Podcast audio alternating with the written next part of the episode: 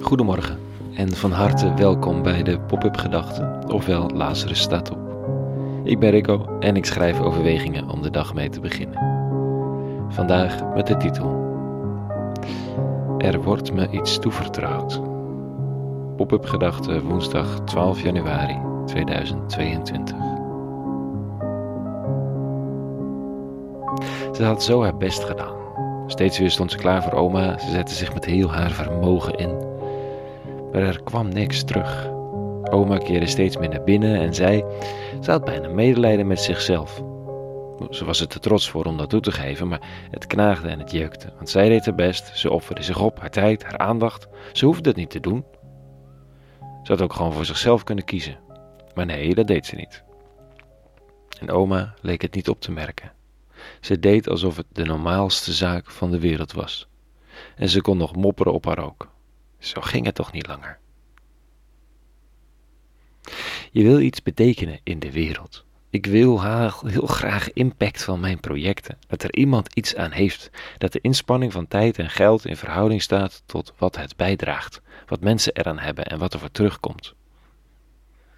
Ik geef tijd, liefde, aandacht en besef van morgen hoe er ook altijd iets in zit van terugverwachten. Niet heel dominant, het zit er ergens subtiel in en het is heel logisch. Maar in het geval van de vrouw en de oma loopt er iets spaak. Ze weet dat ze dit wil doen, maar het offer dat ze brengt lijkt niet te landen. Hoe hou je dan vol wat het goede is?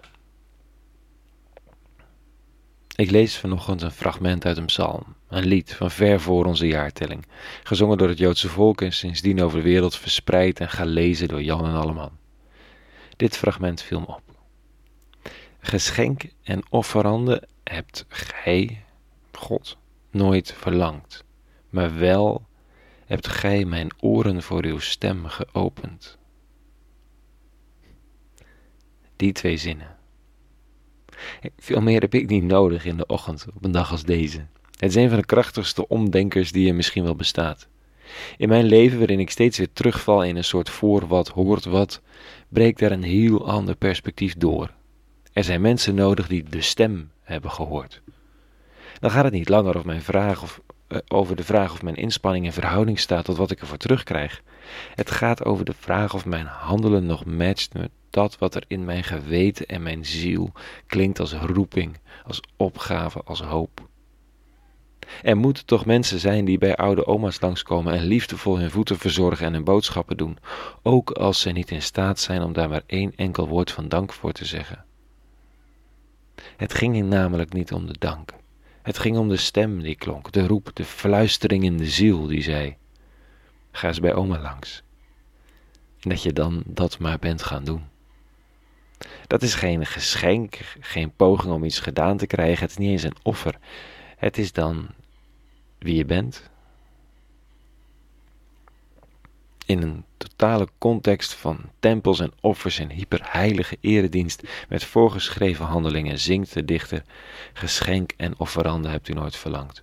Maar wel hebt u mijn oren voor uw stem geopend. U vraagt geen brandoffer, geen zonoffer van mij. Dus zei ik: Ja, kom, ik ben er. Zoals voor mij geschreven staat, dat ik uw wil volbreng, mijn God. Dat is het wat ik wil. In de kosmos huist een verlangen, een hoop, een bron van liefde, die wacht op handen en voeten, op hoofden en harten die daar uitdrukking aan geven. Mensen die domweg besluiten dat het hun taak is om voor bomen te zorgen, of dieren of de straat schoon te houden, of zich het lot van mensen aan te trekken die ze nog helemaal niet kennen, maar die slachtoffer zijn van allerlei onrecht. Waarom?